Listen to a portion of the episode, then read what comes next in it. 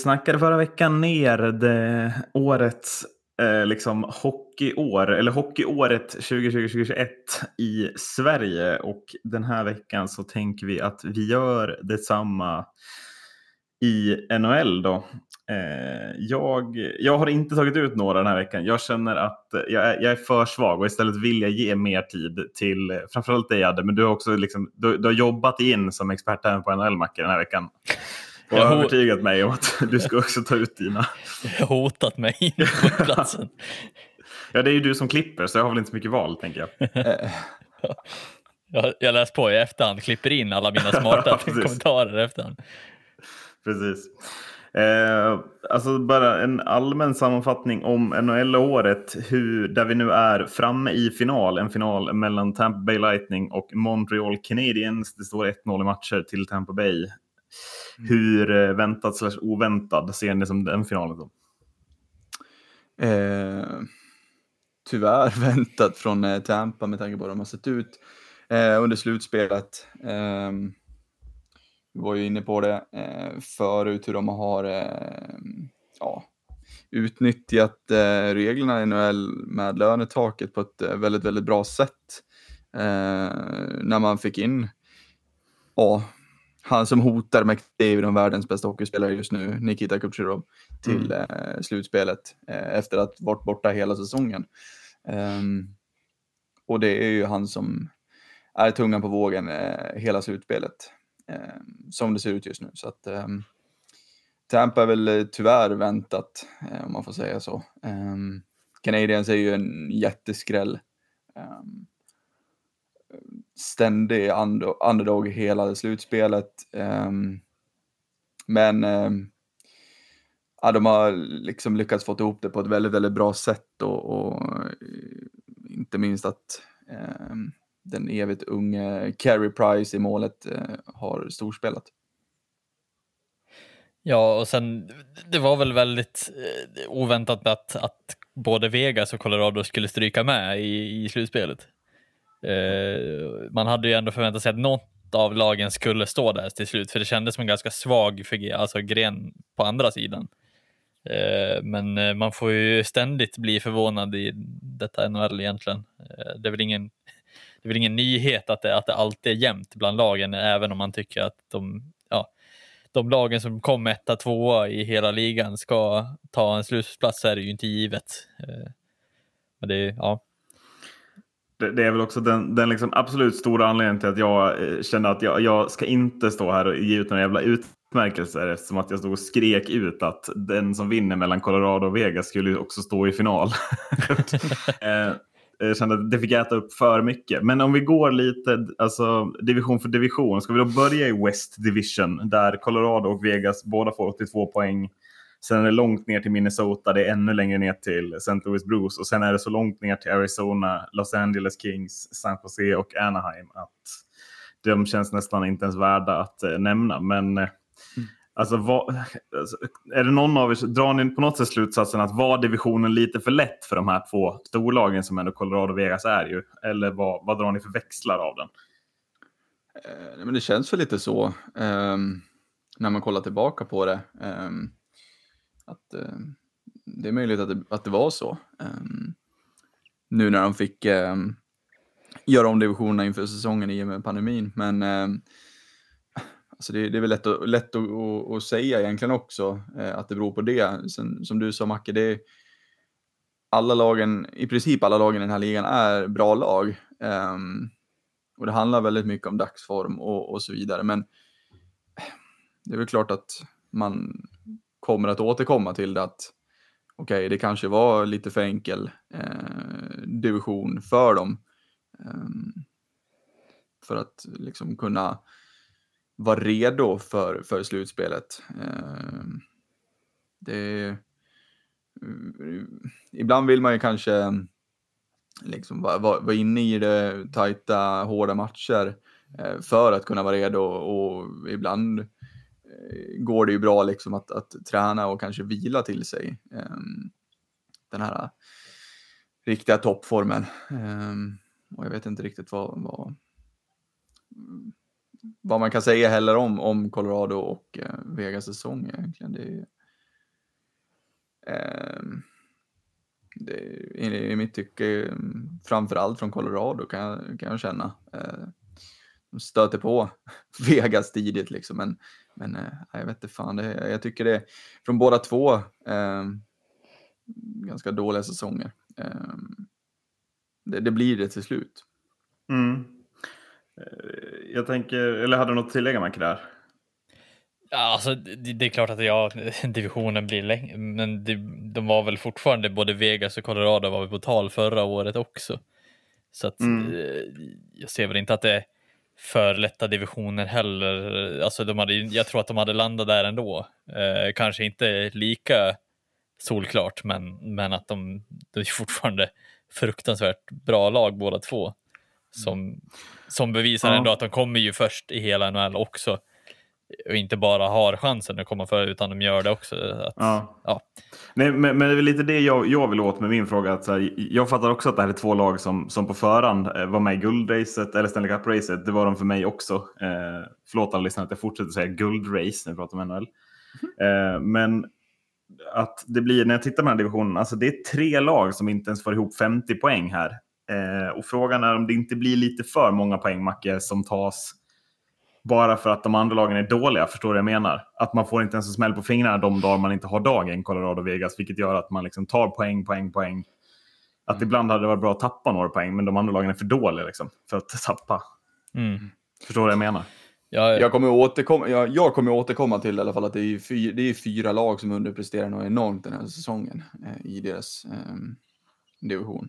Eh, Arizona, Los Angeles, San Jose och, och Anaheim. Um, men är det sådana underprestationer från, alltså Arizona kan jag köpa, men alltså Kings, Sharks, Ducks, det är ju sjunkande skepp så det bara sjunger under. Ducks, är, det är ligans näst sämsta lag mm. poängmässigt. Ja, uh, nej men det, det, det, är väl klart, de har ju liksom haft sin, sin peak um, och sin storhetstid. Uh, så är det ju. Uh, men jag tycker ändå att, um, att man måste kunna stå upp bättre än vad man gör. Eh, det är mm. liksom mm. i min ståndpunkt ändå. Men hur tänker du om det då, Macke? Om vi återgår till min fråga där. Att... Eh... Ja, men alltså, alltså, jag förstår att alltså, jag tycker precis som du att det här är, Colorado Vegas är två av de bästa lagen, men har det inte blivit lite för lätt? Alltså vinner de inte i antal poäng för att motståndet är för dåligt?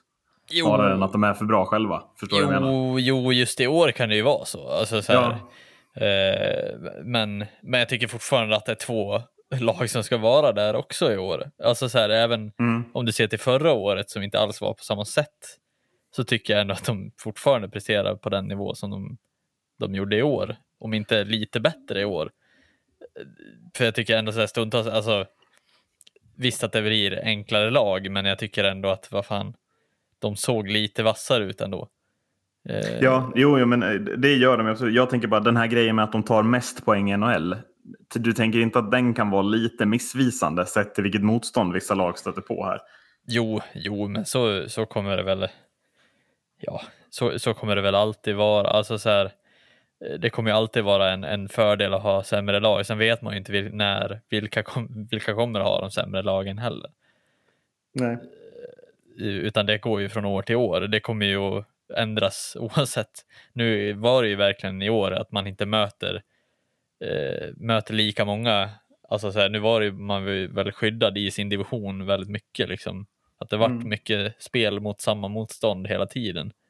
Men ja, man, man visste ju hur läget var och ja, det kan vara lite missvisande, men eh, ja, jag vet inte vad, vad, vad, man ska, vad man ska säga om det heller egentligen. Jag menar, alla hade ju förutsättningar och sen var det väl bara en Alltså, St. Louis hade kunnat vara riktigt bra i år också. Det visste man ju inte på förhand. Liksom, ja, men, men, om jag sätter det i, i den här kontexten då. Jag, jag, tycker att det är mer imponerande av Pittsburgh att ta 77 poäng i sin division än vad det är av Colorado att ta 82 i sin. Förstår du vad jag är ute efter då? Ja, jo. Att jag tycker alltså, att den här poänggrejen blir lite missvisande ja. när man hamnar i en division med, med, med Kings, Sharks och Ducks. Eh, som är, det är ju det är klassiska lag som liksom faller nu det är otroliga förfall. Vi ser ju spelare i de här lagen som är så usla att det är, det är nästan sorgligt väl. Ja, mm. så är det. Men lite tillbaka till Vegas då. Vi kan inte stanna i varje division hur mycket som helst. Men bara alltså. var inte det här lite av att bränna sitt drömläge när man åker ut mot Montreal? Jo. Det var lite som Sverige mot Ukraina igår i fotbollen. Ja. Så jag, jag köper jämförelsen rakt av. att, att var det någon gång man skulle vinna så var det kanske nu. Men då Ja. åker man när man absolut inte ska göra det. Eller, eller i Vegas fall lite tvärtom. Att där har man tagit sig förbi det tuffaste liksom på vägen fram till finalen. Och sen... Mm. Men jag vet inte. Nej, men det är, det är klart jag håller med. Det är ju... ehm, som sagt, Tampa ruskigt eh, starka under slutspelet just nu och spelar, ah, spelar sådär bra hockey som bara de kan göra. Eh, men med tanke på hur Vegas eh, dels såg ut under säsongen, men även jag tycker hur de såg ut stundtals mot Colorado. Och Colorado ja, är ju ett av de tuffaste lagen i, i hela ligan. Och med tanke på hur de såg ut mot dem stundtals så tycker jag ändå att man måste bara ta sig förbi Montreal. Alltså det, är liksom, Ja. det, det finns inget annat. Man måste göra det. För att då mot Tampa, jag tror faktiskt att det hade, det hade blivit sju matcher, det är jag ganska säker på. Eh, och där kan allting hända lite. Så, eh, Det är klart att det är lätt att säga att eh, nu när man ser hur Tampa spelar att, att eh, det hade varit en, ja, Tampa hade vunnit så att säga. Men eh, jag vet inte fan, för Vegas är Vegas. Eh, och Vegas har en eh, hemmaplan som ingen annan har. Och de hade haft hemmaplansfördelen. Mm. Eh, ja, vi rör oss eh, från väst till öst då. Eh, till där ditt favoritlag finns. Hade, eh, fanns ju i West. Eh, Pittsburgh Penguins och Washington Capitals slutade båda på 77 poäng. Det var lite tack ner till Boston Bruins, ett litet till ner till New York Islanders, sen ett ganska stort ner till Rangers och Flyers. Eh, sen hade vi Devils som en egen ö. Och sen hade vi väl årets stora flopplag, alla kategorier som inte ens tar 40 poäng. Eh, Buffalo Sabres. Var, alltså, den här divisionen, precis som en av de andra divisionerna, slutar med att både ettan och tvåan åker ur direkt i kvartsfinal, va? Eller vad är det? Ja. Eh, ja, åttondelsfinal till och med. Mm. Eh, det, det var alltså så här, hur, hur jämn var den här divisionen? Om man ser liksom rent klassmässigt. Alltså jag ser ändå Rangers och Flyers vara ganska långt ifrån att gå vidare här. Det är ändå lag jag håller mini, alltså som hyfsat bra ändå, som jag tror hade tagit sig vidare i West Division exempelvis. Ja, ehm, jag tycker att den här topp fyran är väldigt, väldigt stark. ehm, tycker jag. Eh, och de spelade stundtals väldigt, väldigt bra hockey eh, i grundserien. Och Islanders var väl det lag som var bäst i slutspelet med tanke på att de tog sig hela vägen till, till semi mot, eh, mot Tampa. Ehm, jag var inne på det inför säsongen att Pittsburgh-Washington kan bli att eh, floppa lite. Eh, jag fick fel. Ja, du fick lite minirätt men, till eh, sist ändå, eller upprättelse fick Ja, du. Mm. ja eh, för att eh, båda två räcker absolut inte till i slutspel. Eh, så att jag varit väldigt förvånad. Alltså Washington känner jag alltid är Washington. Jag var, blev ändå lite mer förvånad över Pittsburgh. Man gör ändå nästan 200 mål och man släpper in inte ens 160 mål. Eh, och man vinner divisionen. Eh, det trodde jag faktiskt inte på förhand att man skulle göra. Ehm, Flyers i sin tur floppar ju också tycker jag. Eh, för att i mitt tycke så var det ju ganska jämnt skägg inför säsongen mellan Buffalo, eh, Philadelphia och Pittsburgh. Eh, om vem som skulle ta den där fjärde platsen Mm. tycker jag. Flyers floppar ju enormt, släpper in över 200 mål. Ja, jag noterade det också när jag kollade. Det är enda lag va? Ja, och det är en extrem, en extrem siffra. Ehm, Mm. som, som du säger, enda lag i ligan som gör det. Eh, för man gör ändå hyfsat med mål framåt eh, för, att, för att ändå kunna vara med och slåss. Men ja, jag, jag blev alltså förvånad och jag blev ändå glad eftersom Pittsburgh är det lag jag håller på. Men, men eh, det såg nästan för bra ut i grundserien för att man riktigt skulle känna att okej, det här äh, det här kommer gå bra. Eh, lite så. Eh, det kändes som att man hade en, en riktig överprestation eh, genom hela grundserien. Eh, där alla gick på, på maxcylindrar och eh, det vet väl alla att man inte kan göra det i, ja, nu vart ju säsongen för kort men man kan inte göra det i 82 plus matcher. Ehm, så att, ehm, ja, ehm, tungt Eh, för både Pittsburgh och Washington att, att ehm, åka ut så tidigt ändå. Nej, men alltså, det, var, det var väl jätteförvånande att Pittsburgh ens var, var med så pass bra in i slutspelet. Alltså så här, att de åker i slutspelet sen är väl, ja, det, det är ju så. Alltså så här, det, man hade, jag vet inte om du ens själv hade, hade, hade de höga förväntningarna på att Pittsburgh skulle gå hela vägen eller längre än vad de Nej, gjorde. Men det, det är väl men... klart att man tror lite på det när man gör en så bra grundserie, men jag kände också samtidigt att det var en, en överprestation eh, för att jag tycker mm. inte att, att eh, den kvaliteten på spelarna, jag tycker inte att man besatt den kvaliteten för att klara av ett slutspel på, på bästa sätt. Mm. Nej, för vi satt ju här innan säsongen och kände att det var Pittsburgh var ett av lagen som vi nämnde som, som kan få en riktigt tuff säsong. Mm. Liksom. Eh, och de får inte det och de lyckas lösa det ändå. Eh, har, du, ha, alltså, har du något svar på vad, alltså, så här, vad är det som gjorde? Var det lagsammanhållningen som, som blev eller vad, vad var det som liksom skapade den? Nej, men jag tycker eh, jag tycker att, eh, ja, för första gången jag kanske kritiserar Crosby lite, men jag tycker inte att han kommer upp i nivå som han eh, borde göra. Mm. Och Malkin är väl ett litet, jag vet inte, unikum så. Han var bra i det här slutspelet kontra, kontra fjolåret. Um, men um, ja, just de ledande spelarna um, klev inte upp som de skulle. Um, och då blir det väldigt svårt att vinna matcher. Uh, så att, mm. uh, ja, blev, blev ändå förvånad över det. Uh, att, att Crosby inte kliver upp som, att, som man borde göra och som man brukar göra. när det vankas slutspel. Så att, jag tror nog att det ligger ganska mycket i det att de, de ledande spelarna inte, inte steppar upp ordentligt. Ja, men sen är det väl också att så här, man, man förlitar sig på spelare som kanske inte är vanliga. Alltså så här, nu kommer ju Jeff Carter in och, och, och lirar och, och gör en väldigt bra inträdelse i Pittsburgh. Ja. Vilket också känns konstigt att en sån spelare ska gå in och behöva prestera på den nivån som han gör istället för typ Crosby Malkin. Alltså så att det blir. Jo, men jag tror ju också att han eh, hade. Fel jag typ tror också spelare. att han hade liksom. Eh, om Crosby och Malkin, ja, Malkin tycker jag ändå kommer upp i nivå eh, på så sätt. Eh, han gör sina poäng. Mm. Men Crosby, om han också kommer upp i nivå eh, och sen kunna krydda det med Jeff Carter, för Jeff Carter är en bra spelare. Det, det är ingen snack om, snack om saken. Eh, sen har han varit kanske lite för länge då i, i Los Angeles tills han blev, blev tradad till, till Pittsburgh. Och ehm, ja, det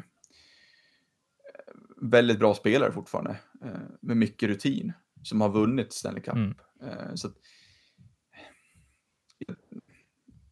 jag, jag, tror nog att han hade fortsatt att leverera som, som han gjorde om, även om till exempel Crosby hade steppat upp. För jag tror inte att, jag tror inte att Carter tog över Crosbys liksom poängleverans så, utan jag tycker ändå att eh, den tredje kedjan också som Jeff Carter var, var involverad i Um, den var jäkligt intressant. Um, och såg väldigt, väldigt bra ut och var väl enligt mig den bästa serien under, under slutspelen från Thailanders. Mm. Vad, vad säger du Max om Bostons liksom mellanmjölkssäsong? Ja, vad säger man om Boston? Boston brukar alltid vara bra, så då blir det alltid så här typ förvånande att det går dåligt nästan. Ja, men också när det väl går dåligt eh, känns det som att det går ganska, alltså så här jävligt dåligt för Boston. Nu, det, det har varit otroligt så här mycket, ja, man blir tre i divisionen och åker i kvarten liksom. Eh, väldigt liksom ja. så, mellanmjölk. Ja. ja, precis. Och det, ja, vad, vad det kan bero på. Jag vet alltså så här, det känns ju som att de börjar de har ju spelare som, som fortfarande är väldigt bra och de har ett slutspelslag, men alltså det, det, det är väl små detaljer som kanske inte stämde och just i år kan det vara överkänsligare än någonsin. Vi har ju sett fler lag i alltså större fall. Liksom, eh, vi såg ett Philadelphia förra året som, som var nästan kandidater till att vinna och, och faller i år liksom som, eh, som en kägla. Liksom, att det kan vara dels både där, där men också så här att man kommer inte upp i, i, i den nivån man behöver riktigt i år. Eh, nej, så jag vet alltså så här, det, det är ju svårt att mm. säga. Det, det är väl små, små, små saker som, som hela tiden är. Nu har inte jag haft så här dunderkoll på just Boston i år heller. De värvade väl in Taylor Hall från, från iskall från, från Buffalo. det var i och för sig alla i ehm, Buffalo. Så. Och, ja, men som ändå steppar upp liksom i Boston och gör mer än man gjorde i Buffalo. Mm. Så jag kan inte påstå att Taylor Hall var någon riktig så här dunderhit i, i Boston Nej. heller kanske. Men, men Brad Marchand, han gör ju poäng. Han är topp tre i, ja, och Pasternak är, är ju sen top, liksom, gör ju 15 poäng på 11 matcher i slutspelet. Ja. Så att de där gubbarna presterar ju. Det är därför jag känner lite så här. Ja. Lite förvånad att Boston bara men, eh, Ja, precis. Av, liksom. Men det kan ju ha att göra med liksom så här. Man har tappat liksom andra, andra delar i, i försvar, alltså försvarsspelet är det och allting. Steno Charas out som, som betyder så mycket? Det kanske det är. Ja, men ja. framförallt också Torre Krugs. Ja, just det. Uh, ja, det är verkligen två stora ja, tapp egentligen. Jag tror att man liksom man kanske inte underskattar Chara, men jag, alltså...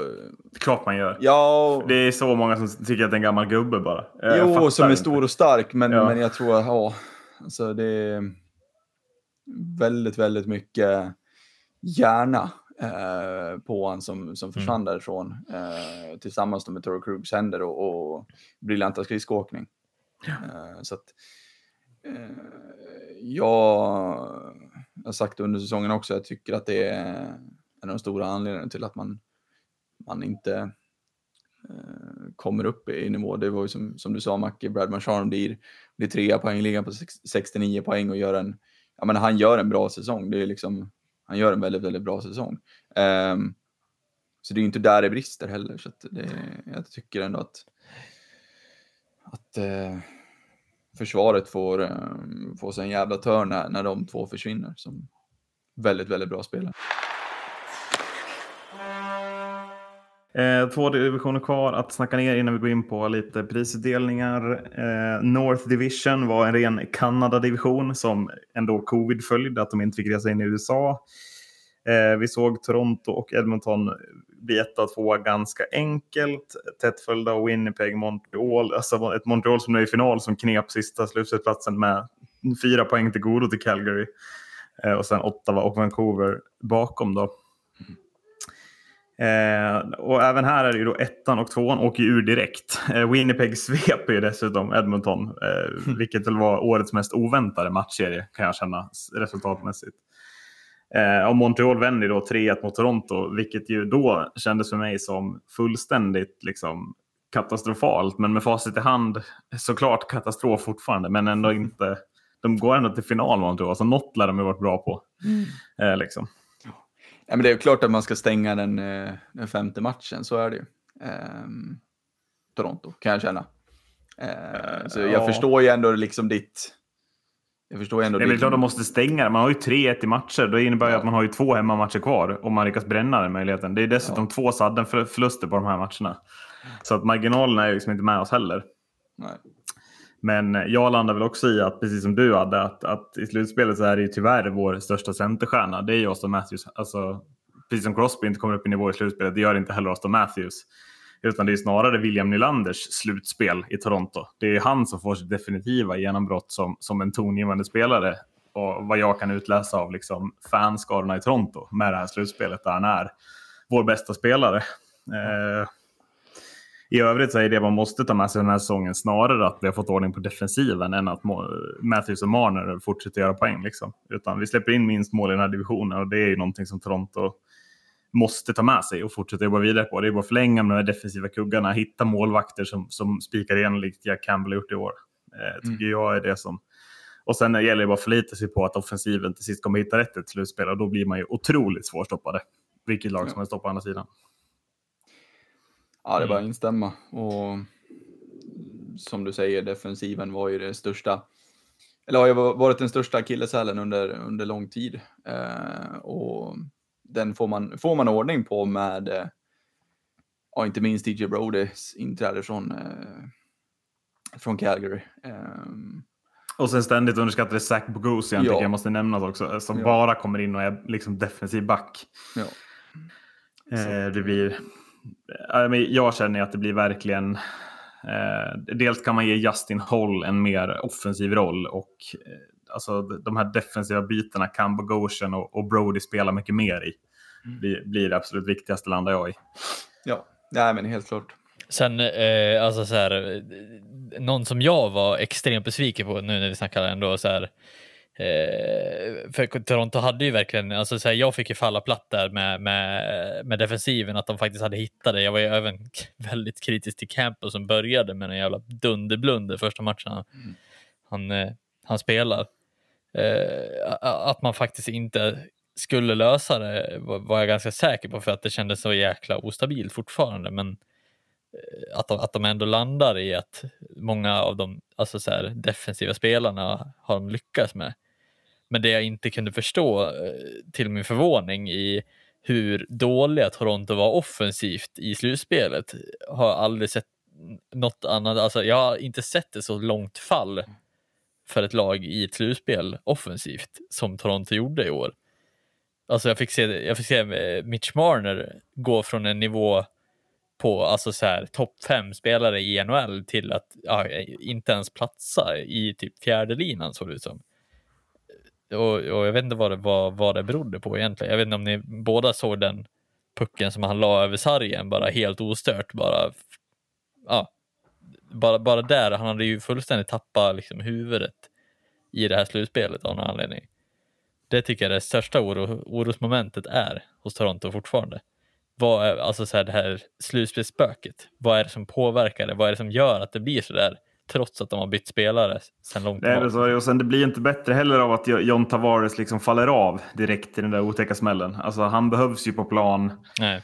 Eh, alltså han har fortfarande det där seta, det har han av en anledning. Sen är han, men han behövs, alltså, jag tror att han hade också kunnat gjort något viktigt mål. Och det är egentligen bara ett viktigt mål som hade behövt göras för att komma till nästa omgång här också. Och vi vet alla att, att liksom, Toronto hade också svept Winnipeg. Det är helt övertygad om. Eh, men känslan är ju att man, man slänger iväg det här slutspelet. Eh, och jag tycker att det är som du säger Marcus, alltså det, spöket blir bara större och låter mer liksom, ja. tyvärr. Mm. Eh, men jag tänker, ska vi kuppa in en utmärkelse redan i den här divisionen? Vad tror mm. ni? Ska vi utse årets forward? Det gör vi väl. Eh, för att det är väl liksom... Eh, till Ingen och med jag... Än. Nej men alltså det är väl, det är liksom inte ens en intressant, alltså alla vet ju vem det är. Eh, och det är väl lika bra att vi pratar om honom nu än att vi ska liksom ha någon slags trumvirvel-segment senare. Ja. Eh, ja. Årets forward är väl Conor McDavid. Ja. Och helt ärligt så vill jag, den analysen jag vill ha är vad, vad, hur går det för Edmonton utan Conor McDavid den här säsongen? Missa ja, man gör ju inte 183 mål i alla fall. Nej, det gör man väl inte. Nej, men han är ju totalt jävla överlägsen. Um, och det är uh, stundtals tråkigt att kolla nästan. Så att... Uh, Hur kan det vara tråkigt ja, att kolla på det, Ja, men det är liksom... det blir på den nivån. Det är uh, en stor man mot ett gäng dagisgrabbar liksom som... Uh, som eh, åker runt ibland. Eh, men eh, ja, det ska eh, bli väldigt intressant tycker jag med Edmonton och se eh, vad, man, vad man kan hitta på till nästa säsong. För jag menar, McDavid kommer ju att fortsätta. och det kommer han att göra i, ja, i 12-13 år till. Liksom. Ja, så att eh, någon gång måste de väl hitta en, eh, en bra balans i laget och kunna få till det. Mm.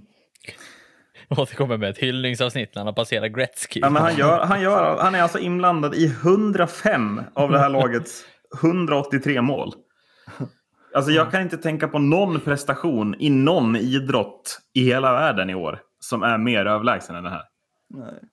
Jag, jag, kan inte se det framför mig. Och då, har, då ska jag i och för sig, såklart, jag har ju otroligt då, dålig koll på många sporter. Men det är ju sån, alltså det är ju totalt liksom. I, mm. i modern ishockeytid, så, så det, här, det här finns ju inte att det ska gå att göra. Så, så enkelt är det. Nej, alltså jag, jag har en jättebra jämförelse eh, där, alltså ni vet när man har gjort sin egen spelare på NHL. Ja. Och så spelar man en säsong på 56 matcher och gör orimligt mycket poäng. För det är ja, vad det här ja, ja. är. Alltså så här, det, det är liksom så här, Brad Marchand, han är trea på 69 poäng. Ja. det är alltså så här, det är fan typ 35, 36 poäng. Ja, och framförallt McDavid blir alltså tvåa i poängligan om du tar bort alla hans mål. Ja. Om du bara assistpoängen ja. så ligger han alltså tvåa i poängligan. Ja. ja ja. Det, det, det, är så, alltså Leon Draisaitl och Conor McDavid, för jag tänker att vi, vi skjuter in han också. Så här, han gör ju ändå så här, bara 25 poäng mindre. Ja, nej men alltså så här att det, de två i förhållande till den andra, för jag menar efter tredjeplatsen, där är det jämnt. Där är det som det brukar vara. Alltså så här, ja men 69, 67, 66. Alltså så här, att folk är lika bra och, och de är ju verkligen, alltså den här det är, inga, alltså, det är inga dåliga spelare på topp 10. Alltså Sidney Crosby ligger på tionde plats där. Och han är liksom så här, han är ju fan 30 40 poäng bakom. Ja, det, det, alltså det ja, man snackar ju om Nathan McKinnon till exempel som, som, ja, som hotar om att vara en av världens bästa hockeyspelare, men han hamnar 40 poäng bakom Conor McDavid. Liksom. Det är... ja. Ja, men bara, bara en sån sak, där, att man börjar liksom så här, vara i, alltså så här, vart är det på väg någonstans? Kommer han bli ännu, ännu bättre? Han gör det här på en säsong där de inte ens spelar 82 matcher. Vad gör han om det är 82 matcher? 200 poäng? Alltså så här, man, man, man blir liksom så här, hur långt kan det här gå? Alltså här, är det bara för att det är den här säsongen eller är det bara att han, han är så bra nu att, och han kommer bara stegra ännu mer? Eller vad, vad är det vi kommer få se? Liksom? Är det, ja, men sen tror, alla vet ju om det också. Ja, eller? men jag tror liksom inte att... Ja. Eh, jag, jag, tror ju verkligen inte att han kommer liksom att sakta in så att säga. Det kommer liksom bara att, att fortsätta vara så här överlägset. Ja. Um, så att, äh, det är... Men alltså så här, visst att någonstans kommer ju hans hastighet att bli lite, lite långsammare. Men hans huvud kommer ju fortfarande att vara, alltså för, för det kan man ju inte heller snacka om att även om han är snabb som fan så har han ju ett huvud som få spelare har. Vilket också säger sig i hans assist. Han gör 72 assist den här säsongen. Alltså det är ju bara, ja, det är ju Gretzky-nivå i princip i dagens mått. Liksom. Alltså det, det, och vart, vart kan det landa någonstans om man får mer och mer rutin bara? Mm. Han kommer ju veta exakt vad han ska göra för att göra assistmål och allting. Alltså, här, han har gjort så jävla mycket nu så att han, ja. Ja, eh, men övergång då till sista divisionen. Jag tänker att vi behöver inte nämna de dåliga lagen i huvudrundan så mycket. Eh, vi tar oss, vi, men sista divisionen, Central Division, det är väl lite där, alltså Tampa Bay blir tre i den här divisionen. Det är för att man inte har Nikita Kutjov i laget. Alltså, eh, om vi nu ser på Kutjovs slutspel, det är 30 poäng hittills, det är överlägsen ledning, det är liksom McDavid-style på överlägsenheten. Hur många ja. poäng gör Kutjerov en vanlig säsong då? Är han med och utmanar McDavid? Eller är det snarare Dreisaitl-nivå? Vi pratar om är det Matthews-nivå. Vad tror ni? Jag tror inte att eh, Kutjerov kommer upp i, i McDavids siffror. Eh, och det tror jag enbart för att Tampa Bay har ett bra mycket bättre lag än vad Edmonton har. Ja, okay. eh, och det, jag tror att det bara är så enkelt. Mm. Eh, så att, eh, men eh, jag tror definitivt att han är med och slåss om den andra platsen i alla fall. Mm. Så att, eh, nej, han har sett eh, äckligt bra ut nu under, under slutspelet och eh, med han i grundserien så, så vinner de den här divisionen. Det är jag ganska övertygad om. Eh, divisionen i övrigt då. Carolina, Florida och Tampa Bay är inom fem poäng eh, på topp tre. Sen är det långt ner till fyran eh, Nashville och slogs väl framförallt med Dallas om den här fjärdeplatsen. Men det var ju, ja, det var ju tydligt att det laget inte skulle ta sig vidare mot Carolina, så var det också fallet. Sen hade vi Chicago, Detroit och Columbus bakom. Eh, Columbus också med en ganska usel säsong va? av vad de har presterat tidigare. Ja. Mm. Eh, men Carolina och Florida är väl uppstickarna som ingen trodde skulle vara så bra kanske. Vad har vi? Alltså, vad har vi på de här lagen? Det känns ju som att Carolina med, med två finnar i spetsen framförallt är väl de som känns intressant att prata om. Hur, alltså, vad håller de på att ta Finland till rent hockeymässigt också? Jag undrar jag lite. Ja, väldigt höga höjder. Eh, och sen innan jag glömmer bort det så vill jag även kasta in eh, coach Rob Brindamore på, på bänken. Mm. Eh, som eh, vann Jack Adams Award här eh, i natt. Då. Eh, som bästa coach i ligan. Ehm, men ehm, det är klart att um, Teravainen och uh, Sebastian Aho är uh, ruskigt bra tillsammans och har en otroligt bra länk i, i Andrei Svetjnikov. Så att uh, ja, Carolina har väldigt bra framtid. Um, har eh, väldigt bra grund att stå på. Så att de kommer att, så ja, jag, jag tror att så länge Brinda Moore är på bänken och eh, alla är friska och krya så, eh, så kommer de att Eh, slåss om, om Stanley Cup-titeln eh, de närmsta åren. Eh, för att det ser väldigt, väldigt bra ut. Ja, och sen kan vi väl nämna också så här nu när du ändå kastade in Brindamore, för jag tänkte också nämna han för, till en anledning är ju att, ja, han är ju, det är ju sen han kom in, innan dess så hade de ju missat nio raka slutspel och sånt där. Och, och titta vart, vart Caroline, vart han har tagit Carolina nu och sen, sen är det inte bara han, men, men att just organisationen i sig har liksom lyft laget och sen att de har fått in spelare som Aho, Svetjnikov, Teravainen och alltså det blir ju de, de har ju verkligen lyft till att vara ett lag som är slagkraftigt igen. Eh, för senast, senast det hände, det var ju när Brindamore var kapten. Var inte så? Oh. För Carolina. det är också lite fascinerande att, att det är den, den eh, kontakten är liksom då, då, vann de väl, det var väl senast de vann en divisiontitel tyckte jag läste också. Ja, och det var ju århundradets skräll var... också ska ju tilläggas. Ja, jo, men ändå att han var kapten och nu gör han det igen ja. som coach. Det är ja, sanslöst. Då, då visar det ändå på att han gör ju någonting vettigt förmodligen ja. också. Ja.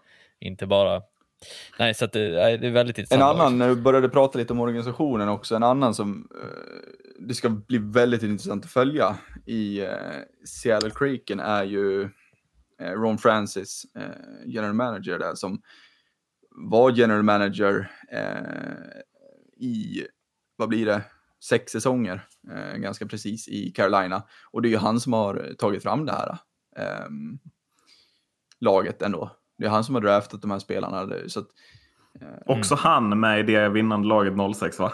Ja. Får man, får man gissa ja. det? Mm. Ja. Eh, nej, skojar bara. Icke. Mm. Eh, men ehm, det ska bli väldigt intressant att se. Ehm, vad han lyckas mm. Eh, åstadkomma i Seattle.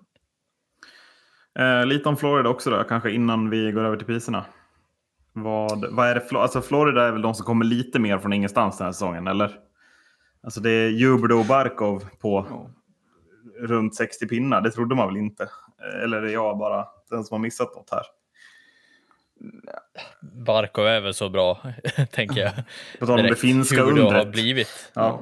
Ja. Nej, men sen, ja, precis, Barkov är så bra. Huberdo tycker jag också är så bra. Det har han ändå bevisat. Eh, de två, tre senaste säsongerna. Så att, eh, eh, men eh, jag tycker man fick ihop laget lite likt.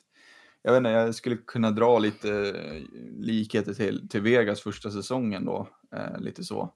Mm. för jag tycker ändå att backsidan är inte så så stabil på pappret som den liksom i verkligheten var, eh, tycker jag. Um, och främsta utropstecknet är väl Mackenzie Weegar eh, på backen som, som styrde och ställde på blå eh, i PP och, och äh, var ett riktigt bra komplement till, till både Huber och, och Barkov i, i eh, powerplay. Um, så att eh, Ja, väldigt intressant och jag tycker ändå man får fart också på, på um, spelarna under. Liksom. Jag tycker, tror också att Hörnqvist kommer in med en, alltså, med en eh, men ett ledarskap som, som verkligen behövs. Eh, och jag tror att man, man underskattar det lite, även fast man har sett under väldigt, väldigt många år hur, hur pass bra Patrik Hörnqvist är. Eh, så tror jag att man underskattar eh, hans kvaliteter ändå. Eh, och de blev lite mer tuffa och de blev lite mer starka. Eh, så att, eh, ja, väldigt intressant. Och ska bli kul att se också, för de hade ju en sån här säsong för, för, ett, för ett antal år sedan. Eh, och man tänkte att det kanske skulle vända eh, nere på sydkusten. Men, eh, mm. men det blev inte riktigt så. Eh, och nu är de där igen lite. Mm. Ehm, och vi kommer komma in på det eh, kring årets målvakt lite. Men det ska, de har en intressant post som mm. de ska styra upp. Vi tar en bumper så får du kasta dig över årets målvakt sen då. Eh, vi går till lite priser då. Ni ska dela ut dem. Vi har en halvtimme på oss typ. Eh, nominerade till årets målvakt var Mark-André Fleury, Vegas, Philip Grubauer, Colorado och Andrei Vasilevski, Tampa Bay Lightning. Vann gjorde Mark-André Fleury, men det skiter vi i nu. Eh, vem är årets målvakt? Hade? Philip Grubauer. Mm. Hade jag rätt att det var Colorado ens? Ja. ja, ja. jo, nej men eh, jag tycker väl eh, det är en säsong med väldigt, väldigt bra målvakter. Eh, rakt igenom tycker jag. Eh, och så att det hade kunnat blivit, det hade inte liksom nödvändigtvis varit de här tre heller. Jag tycker inte att de sticker, sticker ut eh, så mycket ur mängden, förutom kanske Vasilevski då. Men, men eh, det hade kunnat blivit två andra istället för Grobauer och, eh, och Fleury i mitt tycke också. Men, men jag vet inte, jag väljer ändå Grobauer för att, jag vet inte, eh, är man, man, man är, han är en av de första målvakterna som, i ligan som, som hamnar med högst räddningsprocent i ligan och han hamnar till slut också tvåa i både vinstligan och även i insläppta mål per match. Um, så att... Högst äh, vinstprocent va? Om man ja. Eh, ska räkna procentgrejen. Ja. Mm. Uh, så att um, jag tycker att han gör en väldigt, väldigt bra säsong. Um, och ja, det är klart att jag håller ju fortfarande Vasilevski som den bästa målvakten i världen. Eh, men jag tycker jag tycker att han främst har visat de kvaliteterna i slutspelet den här säsongen. Eh, jo, men det är ju alltså... Och, och det blir liksom... Och, det, är ju inte, det här är inte ett pris över liksom heller nej. bästa kvalitet. Alltså, så här, då skulle Lionel Messi vara årets spelare varje år, men det, mm. man får ju ja, nej, men precis. se till ja. säsongen i sig. Det, Jo, men det, det, är så. så att, eh, nej, men jag, jag tycker ändå att Grobauer sticker. Alltså, han, han är bäst den här säsongen, tycker jag. Eh, för att jag tycker Fleury, ja, ungefär lite samma som Vasilevski. Eh, visar liksom under grundserien att han är väldigt, väldigt bra målvakt. Men jag tycker ändå att det är i slutspelet som, som de båda eh, har varit så bra som de kan vara. Mm. Men, men, bara en fråga nu. Den här Florida-grejen med målvakter. Det var inte, jag, jag, jag trodde du skulle ta ut någon jättebra målvakt därifrån, men det var alltså inte fallet. Det var jag som misstolkade bryggan totalt. Ja, precis. Vad var din take på komma... målvakterna i Florida? Min take är lite att eh, jag hade även liksom för att, jag vet inte, för att ha lite att prata om också så tycker jag ändå att man såg ganska tydligt tre uppstickare under den här säsongen som verkligen tog sin chans. Um, och då är det Chris Dreger i, i Florida. Um, som mer eller mindre tog över första spaden från Bobrovski. Um, och Bobrovski har fem år kvar på kontraktet, eh, uh, 10 miljoner dollar per säsong. Uh, det är en extrem stor lönepost. Um, man har Spencer Knight som undraftade i första rundan 2019, uh, eh, kommer in i slutet av säsongen och står de två sista matcherna mot Tampa och jag tyckte på riktigt synd om honom att de inte vinner för att Spencer Knight var så överjävligt bra de två sista matcherna. Eh, och han kommer in och, och, visar att han vill vara med och tävla till nästa säsong också. Och det är där jag känner att där sitter de, ja, ska man säga, de sitter lite i skit hur man ska göra. Eh, jag tror inte att det är många lag som är jättesugna på att ta över Bobrovskis kontrakt på 10 miljoner dollar per säsong. eh, för att jag tror nog kanske att man eh, skulle våga sig på och chansa kanske med, med Dreger och, och Spencer Knight. Ja, eh, även okej. fast det är ganska orutinerat. Men, men med tanke på hur de presterar under säsongen så, så kan jag ändå känna, jag kan känna mig trygg med det. Ehm, men det är som sagt, man måste då bli av med, Bro- med Bobrovskis kontrakt och det gör man inte bara sådär. Ehm, så att det ska bli väldigt intressant att se. Ehm, det kommer en expansionsdraft här ehm, om ja, mindre än en månad. Vad händer då? Ja, de kommer inte gå på, på Bobrovskis det kommer de inte göra, men de kanske kommer att gå på Chris Dreger. Mm. Eh, ja, då fick vi ihop den säcken i alla fall med Floridas målstation. Macke, årets målvakt i NHL. Ja, eh, Philip Grubauer. Alltså det är ju jag. Det är länge sedan jag sett eh, såg en målis i, i Colorado som har sån eh, stabilitet i, i hela tiden han, han rör sig, men också hur, alltså så här, både rörlighet, men också kombination med att man är eh, väldigt ska man säga rakryggad? Alltså så här, man, man, har en, alltså så här, man har ett lugn och samtidigt en rörlighet som kan gå utöver gränsen till att vara en riktigt bra mål. Alltså så här, det, det blir eh, de räddningar som han gör ofta eh, har ju varit extremt, extremt bra och han har sett otroligt lugn ut i ett Colorado som har varit bra generellt också. Men jag tycker att han har, han har verkligen, han visade också på hur viktig han var förra säsongen. Jag tror ju att Colorado hade gått längre om Philip Gruber hade varit hel Mm. förra säsongen. Eh, nu faller de mot Dallas förra året. Nu faller de i år mot, mot Vegas som jag tycker är ett av de bättre Ja, motståndarna också. Så att,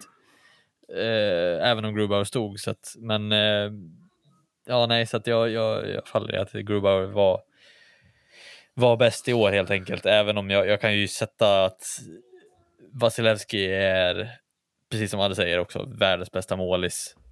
Eh, men ja, för det är svårt att säga emot när han är jämnt uppe där i, med Tampa. Men det blir lite samma, samma med Viktor Fast där. Alltså, så han spelar i sånt bra lag. Ja, just det. Mm. Eh, så att det blir, även om Colorado också är ett jävligt bra lag, så känns det som att Grubauer har vuxit med, med Colorado på ett vis som är fascinerande att se också. Får man slänga in Eh. uppstickaren Jack Campbell i den här diskussionen? Det är väldigt roligt för han är min andra målvakt av de här tre uppstickarna som jag har skrivit upp. 17 segrar på 22 matcher i den Ja, eh, och det gör man inte bara sådär. Um, så att, eh, det, det, tycker jag, det tycker jag är ett intressant namn. Eh, Mm. Han faller ju dock kort för mig för att han spelar 22 matcher. Ja, just det. Mm. Men, ehm, ja, men han tog ju över totalt efter att eh, Andersen gick sönder i, i mitten av mars. Ehm, och han var ju uttalad andra keeper såklart inför säsongen. Eh, Var han det? Ja, tycker jag. Ja, okej. ja. Eh, men han hade ju helt klart bättre siffror än Andersen. Eh, när Andersen Ja, blev skadad så hade Campbell sex vinster av sex möjliga. Eh, räddningsprocent på närmare 95. Um, Medan Andersen var ner under 90 procent när han blev skadad. Så att, ehm, väldigt intressant situation där. Ehm, Så att, eh, nej, han fortsatte ju bara att rida på den där vågen. Ehm, och som du sa, han vann till slut 17 av 22 matcher och det är ruskiga siffror. Ska vi även slänga in eh, årets rookie-nomineringen Alex Nedeljkovic i den här diskussionen kanske? Som är min tredje keeper på listan. Jag, jag kan mer med NHL än vad jag tror ändå. ja, Det, nej. Det är sjukt eh, att du sätter, eh, sätter dem. Men Mm. eh, ja. ehm, men de faller lite mot, alltså jag vet, tänker det, du är också samma där Macke, eller att de faller lite mot Grubauer på antalet matcher och liksom den... Ja, alltså generellt, alltså ja, det är klart. Det, jag kan inte, man kan inte ta ut en, en målis som, som i Campus fall. Alltså så här, att det, blir ju orättvist och, och stått så få matcher. Ja, ja men det är ju halvering av precis, men- Liksom. Ja. Mm. Ja. Yes. Så att, ehm, ja. Nej, nej, Delkovic var ju ja, han såg ju såg ut att vara världens bästa målvakt ett tag liksom, i, i Carolina. Han var, han var hur bra som helst. Uh, och han, han kontra Campbell halkade väl in mer på ett bananskal. Um, I och med att han var tredje keeper. Uh, eftersom ja. att det var Mrazek som var första keeper och, och James Reimer som var andra keeper. Eh, Mrazek går sönder efter fyra matcher, tvingas operera tummen, eh, kommer in och får dela på ansvaret med, med Reimer. Eh, båda står väl 23 matcher har jag för mig, något sånt där. Um, och eh, ja, det var ju Nedeljkovic som, som verkligen tog chansen då. Ehm, vinner ju 15 matcher av 23. Eh, han har bäst, eh, eller han har lägst ehm, ett insläppt mål per match. Så vinner den ligan och han vinner även räddningsprocenten i ligan. Så att, Ja, det är fruktansvärt starka siffror och är ju helt klart en anledning till att Carolina eh, vinner, vinner sin division tycker jag. Ehm, han räddar dem väldigt många gånger. Likt lik där kanske som Tampa som du var inne på Mac, att, att eh, Vasilevski står ett väldigt bra, bra lag. Eh, Nedeljkovic står bakom ett väldigt, väldigt bra försvar. Ehm, men eh, puckarna ska räddas också. Um, och ja, han kommer väl förmodligen att göra eh, Mrazek sällskap till nästa säsong. Lite udda situation som de har ändå, Carolina, där alla tre målvakterna sitter på utgående kontrakt eh, och måste förlängas. Så att, eh, det ska bli intressant att se. Ja, eh, årets back då. Eh, nominerade var Adam Fox, New York Rangers, Victor Hedman, Tampa Bay Lightning och Cale McCarr, Colorado Avalanche. Eh, vann gjorde Adam Fox, New York Rangers. Eh, årets back, Marcus, vem är det tycker du? Uh, nej, men jag tycker väl att Victor Hedman ska ha den uh, rakt av egentligen. Uh, han har väl Ja, jag tycker det är ofattbart att han inte har den. återigen snuvad på det här priset va? I, ja. i liksom sista nomineringen. Ja. Ja, men återigen bevisar han varför han är världens bästa back också. Ännu en gång är han i Stanley Cup-final där. Och han är en tongivande spelare i Tampa Bay och, och, i ett lag där det faktiskt är en hel del bra defensiva spelare så är han en tongivande back också och får spela enormt mycket och han gör det så bra. Alltså så här, eh, om man, man, man ska bara sitta alltså sätta sig ner och bara titta på Victor Hedman i en match med Tampa så kommer man inse att ja, men fan, alltså så här, vilken, vilken jävla pondus han har som back. Alltså det är det som, som, som gör att, att det faller på att han, alltså så här, fullständigt överlägsen tycker jag. Som, som just generalen han är där i den defensiva rollen i Tampa och när han väljer att göra de här uppsticken, de här offensiva uppsticken samtidigt också, gör ju till att han blir sån enormt bra tvåvägsback också.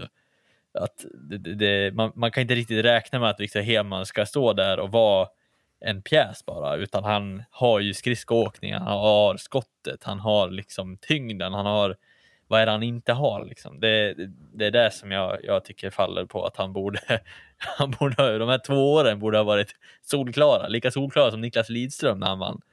Eh, så att, jag, jag vet inte riktigt varför man, man inte väljer att, att plocka honom eh, till det här priset. Jag eh, tycker också Viktor Hedman. Ehm, men jag kan ändå förstå Alltså det är ju svårt att snacka bort det när folks siffror ändå på ett sätt. Eh, mm. Det, det, är det verkligen. Jag menar han gör fem, 45 poäng på 55 matcher. Eh, eller nej, 47, 47 poäng på, på 55. Ja. Och plus 19 i, i plus minus statistiken. 23 powerplay-poäng. Alltså det är, det är svåra siffror att snacka bort. med det sagt så, så Viktor Hedman är ju, är ju alltid så, så otroligt dominant på den här blå linjen och är den, ja men lite likt Vasilevski i år tycker jag. Han är liksom, han är, han är världens bästa back. Alltså, Känns som mäktigt att vi snackar om en svensk ändå, som världens ja, bästa back. Det hatar man inte. Nej, eh, det, gör man, det gör man inte. Nej, men, jag, men som sagt, jag kan förstå, jag förstår varför man väljer Adam Fox eh, och varför han vinner. Det, jag tycker det, jag tycker man, man lätt glömmer bort liksom att ja, men han gör ändå de siffrorna han gör i, i eh, ett helt okej okay Rangers den här säsongen. Mm. Jag tänkte väl kanske efter förra säsongen att när han Fox klev in att eh, han, ja, han gör 42 poäng på 70 matcher eh, och det är väl typ det man kanske får av honom. Eh, och kanske inte så mycket mer. Eh, han, skulle, han skulle absolut kunna vara en väldigt, väldigt bra topp 4-back i Rangers. Men att han steppar upp ytterligare, det, jag tror att det var väldigt få som trodde det. Um, så det är ehm. svårt att snacka bort siffrorna. Uh, Men ditt val är ändå Hedman, eller vad är det du landar i? Ja, mitt val är ändå i Hedman med tanke på hur dominant han har varit mm. uh, under säsongen. Det är visserligen bara plus fem, plus minus statistik, du som tycker om det Macke, men Tampa utan Kutjerov var ändå ja, lite svajiga under säsongen. Men uh, ja, det var riktigt uh, svår den här tycker jag. Um... Uh, jag tänker att jag ska någonstans stå, alltså får jag bara en take först? Uh, jag, jag, vill höra er tankar om det, men Adam Fox vinner ju det här priset. Jag ser också att, att Lou Lamoriello vinner årets general manager. Jag har ingen aning om vad han har gjort. Det blir direkt att blir inte de här awardsen lite Rangers-runkiga? Förstår ni vad jag menar? Alltså, så, alltså, visst, det är en jättebra säsong av, av Fox, men alltså, de går inte ens till slutspel. Eh, och jag tycker att det där kan jag vara lite allergisk mot. Att så här, årets general manager är alltså general manager för ett lag som inte ens har gått till slutspel och årets back spelar inte slutspelet. Eh, kan det verkligen vara rätt? Eh, ja, det är rätt. Jaha, okay. för att Lamorello är ju väl i uh, Islanders. Han är Islanders, har jag läst fel? Ja. Ja, ja men då så. Men eh, jag förstår eh, din take på Adam Fox. Mm. Eh, det gör jag. Eh, men jag förstår även att man väljer honom ja. på ett sätt. Alltså, Nej, men min take var ju helt förstörd eftersom att nu är det bara en spelare från Rangers som har vunnit ett pris. Då är det, går det inte på något ja. sätt att säga att det är runkigt. Eh, Nej, men jag, du kan ha kvar alltså... det där i podden, Macke. Det är bara att visa varför jag inte ska ge dig jävla priser. men... Nej, men... Ja. Alltså, ja. Ja, jag, jag, kan på ett sätt förstå vad du, vad du menar lite för att det kanske blir lite så här att wow, kolla säsongen som han gör, alltså lite så här, han blir ju som en liten uppstickare. Det var ju ingen som trodde att han skulle göra 47 poäng eh, och vara så otroligt bra som han var. Eh, och det är kanske lite det som blir också att okej, okay, då får han priset istället för att Victor Hedman som har varit dominant i NHL i i sju, åtta år. Eh, Tar liksom, ja. ja så att jag, jag förstår lite vad, vad, du, vad du är ute efter. Men här, här kan jag så här, tycka att man går för en offensiv back. Mm. Liksom. Och, och då blir det så här, vad fan. Eh, alltså, det är ju välja antingen eller här lite. Visst att han får mycket plus minus, men då kan man ju lika gärna välja Cale McCarr också. Alltså att det blir... Det är väl ja, uppenbara motbudet. Hade... Ja, för att jag menar, Cale McCarr, rent krasst, ja, han är den enda backen som snittar en poäng per mm. match den här säsongen. För att han spelar mindre matcher än vad, vad Aaron Fox gör. Och han har, ja vad är det, två plus, alltså två plus minus mindre.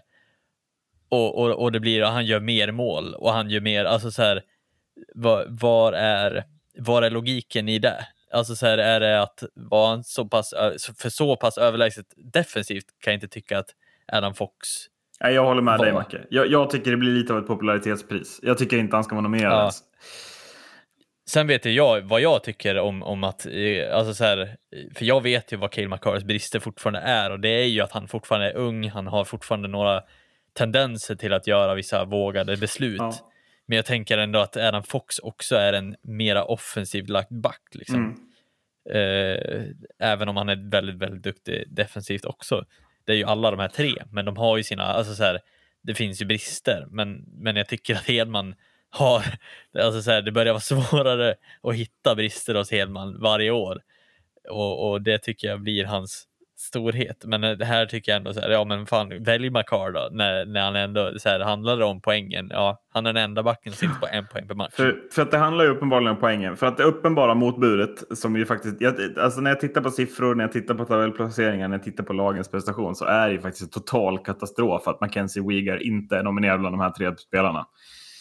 Eh, Blest plus minus av alla backar i ligan. Mest gjorda poäng av backar i even strength, alltså i 5 mot 5-spel. Mm. Eh, I ett Florida som slutar före Tampa Bay, som utmanar Tampa Bay på allvar i slutspelet. Och det är Weegar som är bästa backen rakt igenom. Och jag menar på tal om att komma från ingenstans. Vem fan är Mackenzie Weegar? Det är ett namn jag aldrig hört. Eh, alltså, vad, är, vad är det som får honom att hamna utanför här och knappt nämnas, tror ni? Ja, det är ju mycket, tyvärr, eh, poäng. Poängen, ja. po- han, har, poäng han har inte gjort 50 kommer poäng utan bara Nej. 36. Det är det som är... Ja. Mm. Nej, men alltså Mm. så här, det är ju tyvärr det som, som blir lite. Ehm, jag menar, ja, varför är, varför är det inte Shape Theodore ja. med i Ja, diskussionerna? Ehm, Darnell Nurse gör 16 mål som back. Jacob Sishin gör 18. Alltså, det är sådana grejer. Ja, är det, det är lite intressant hur de eh, tar fram eh, eh, nomineringarna faktiskt. Mm. Mm. Eh, vad har vi kvar? Årets tränare, eller vad hamnar vi? Årets rookie? Årets coach, eller? Ja, eh, årets coach börjar vi med. Eh, där, nu ska jag gå igenom min fina lista här. Eh, vilka som var nominerade. Dean Everson, Rob Brindamore och en till. Jag menar, alltså, hur kan jag inte hitta det? Här, Robin Moore, Dean Everson och Joel Quenville. Eh, Robin Moore vet jag är i, eh, i eh, Carolina. Jag har ingen aning vart de andra två är i. Hjälp mig någon. Dean Everson i Minnesota och eh, Quenville i eh, Florida Panthers. Eh, ja. Och vann, gjorde Bob Brindamore i Carolina. Eh, vem, vem tycker ni skulle ha vunnit? Dean Everson. Mm.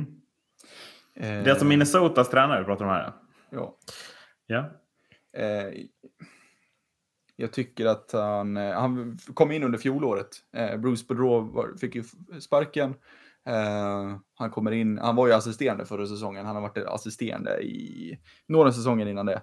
Eh, men blev ju liksom promotad till, till head coach eh, under förra säsongen. Och har fått ihop det väldigt, väldigt bra under det här året. Eh, vi var inne på det lite när vi gick igenom divisionerna. Det här med, eh, med Colorado och Vegas, att de spelade i en liten sämre division när man kollade på, på de fyra lagen som hamnar i botten. Eh, det kan väl kanske ha med det att göra, men jag tycker att eh, Everson får ihop det med ett väldigt, ja men han får ihop det väldigt, väldigt bra med ett begränsat lag. Eh, för jag tycker att det är ett begränsat lag. Eh, det, backsidan är helt okej. Okay. Forwardsidan eh, kanske inte lika fullt okej. Eh, det, det är vad jag tycker. Eh, men att han lyckas då få ihop 35 vinster den här säsongen, eh, kommer trea eh, före bland annat St. Louis då.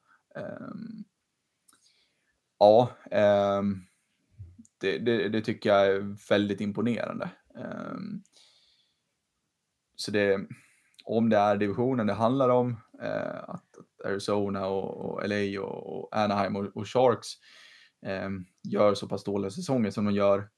Eh, det kan vara en sak. Eh, det andra att det går så pass bra leder väl in kanske på, på årets rookie Kirill Kaprizov. Mm.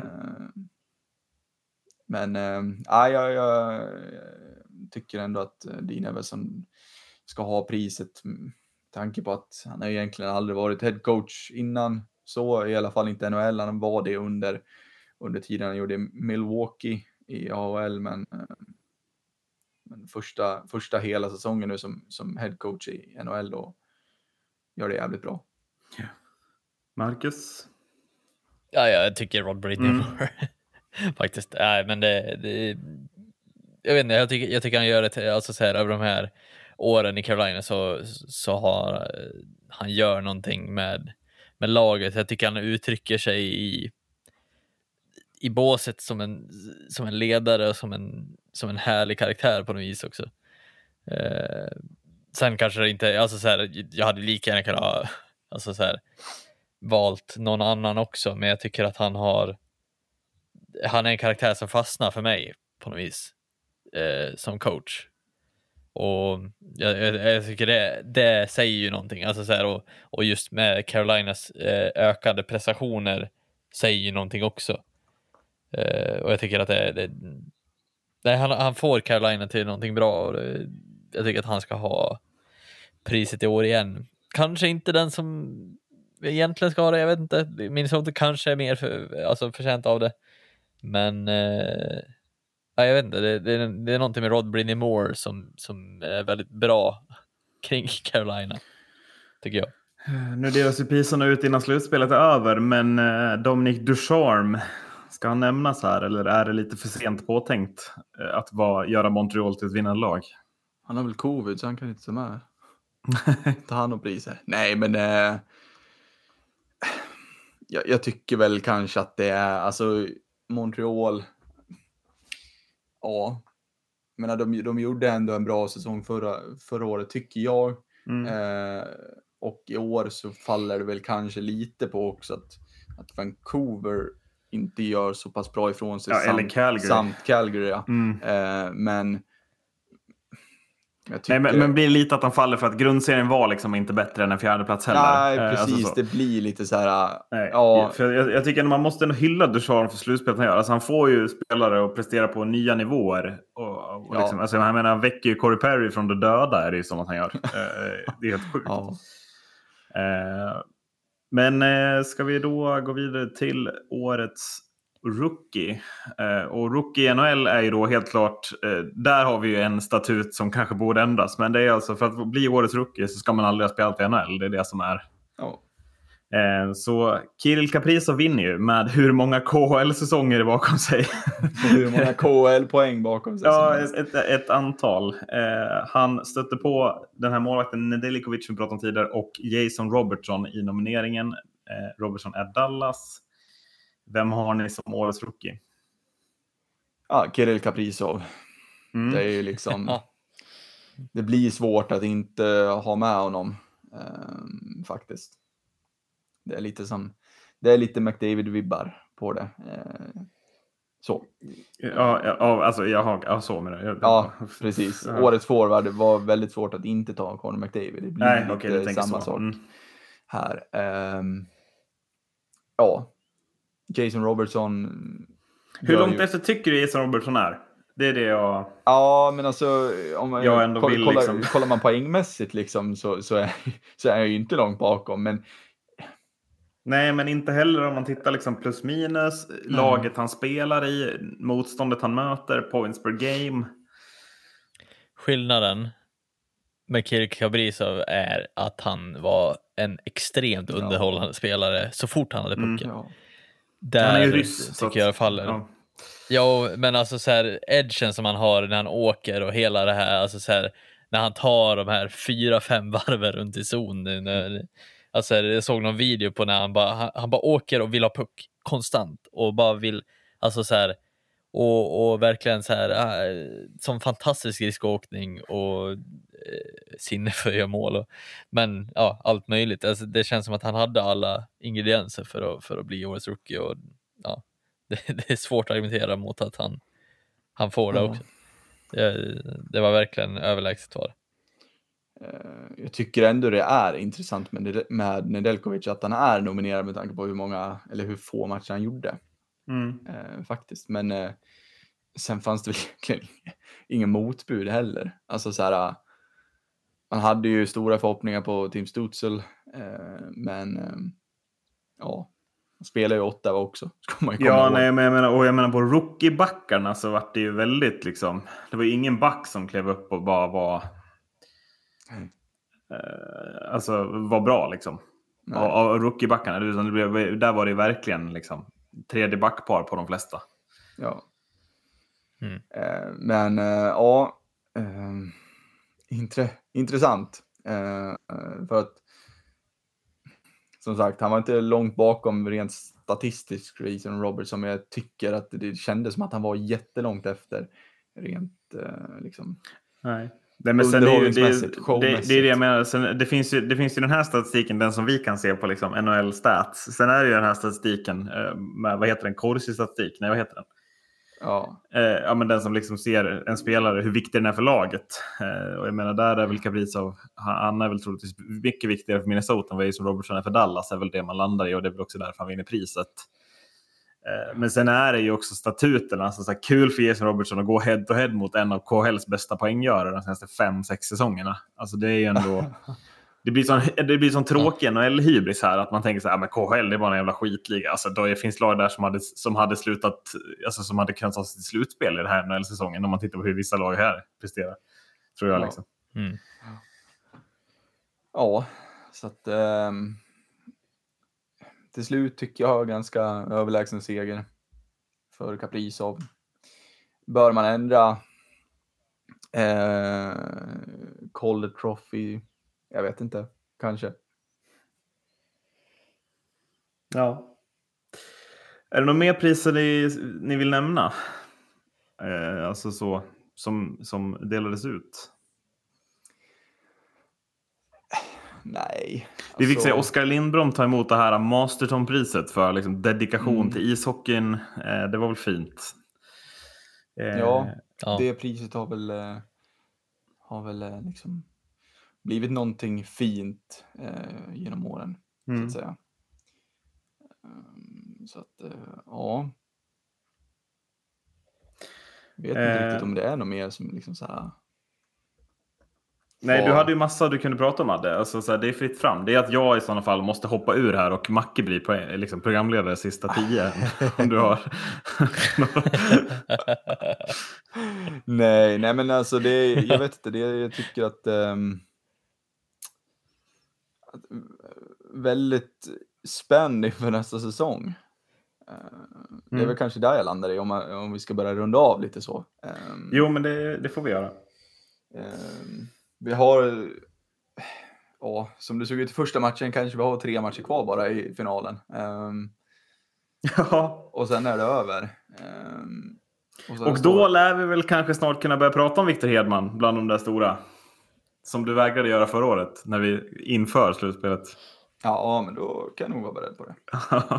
Ding, ding, ding, ding, ding. Klockan slår, klockan Jag har ju också nämnt att vi kommer ju sitta här om en vecka eller två och bara Tampa vann Mm.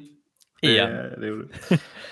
Men jag hoppas Ja. att jag har fel, för att det hade varit roligare om en Ja, Montreal vann. För det kan jag hålla med om. avgör. Fy fan.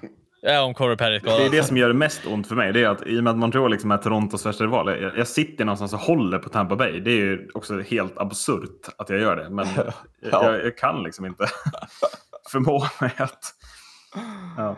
Nej, ja, det... Vi får, vi får se då vad, vad som sker. Eh, Men Det jag är jävligt spänd inför nästa säsong. Mm, fram tills dess så eh, nämner jag att årets sämsta plus minus i hela NHL fick Rasmus Dahlin, Marcus. Minus 36. Vad borde Rasmus Dahlin ha gjort istället, Macke? Jag borde ha spelat sarg ut. Han borde ha spelat sarg ut. Tack för att ni har lyssnat. Hej då! Hej då. Hej då.